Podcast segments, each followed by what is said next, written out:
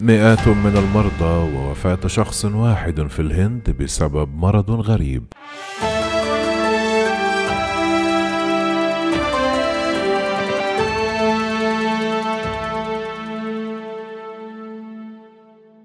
أفادت تقارير يوم الاثنين أن شخصا واحدا على الأقل توفي وتم نقل 200 آخرين في المستشفى بسبب مرض مجهول الهوية في ولاية أندرا براديش جنوب الهند.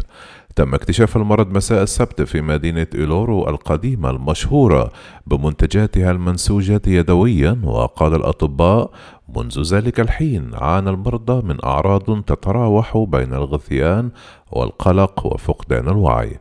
أفادت وكالة أنباء بريس ترست الهندية أن رجلا يبلغ من العمر 45 عاما كان دخل المشفى ويعاني من أعراض تشبه أعراض الصرع والغثيان وقد توفي مساء يوم الأحد ويحاول المسؤولون تحديد سبب المرض حتى الآن حيث لم تظهر عينات المياه من المناطق المتضررة أي علامات للتلوث. وقال مكتب رئيس الوزراء أن الأشخاص غير المرتبطين بإمدادات المياه البلدية قد أصيبوا بالمرض أيضا.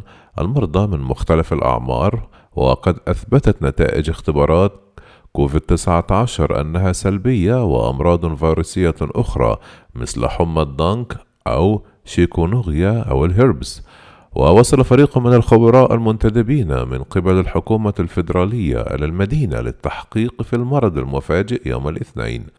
قام وزير الدولة بزيارة المشفى الحكومي والتقى بمرضى كانوا مصابين وطالب زعيم المعارضة شاندباي لوناديو على تويتر بإجراء تحقيق محايد وكامل في الحادث.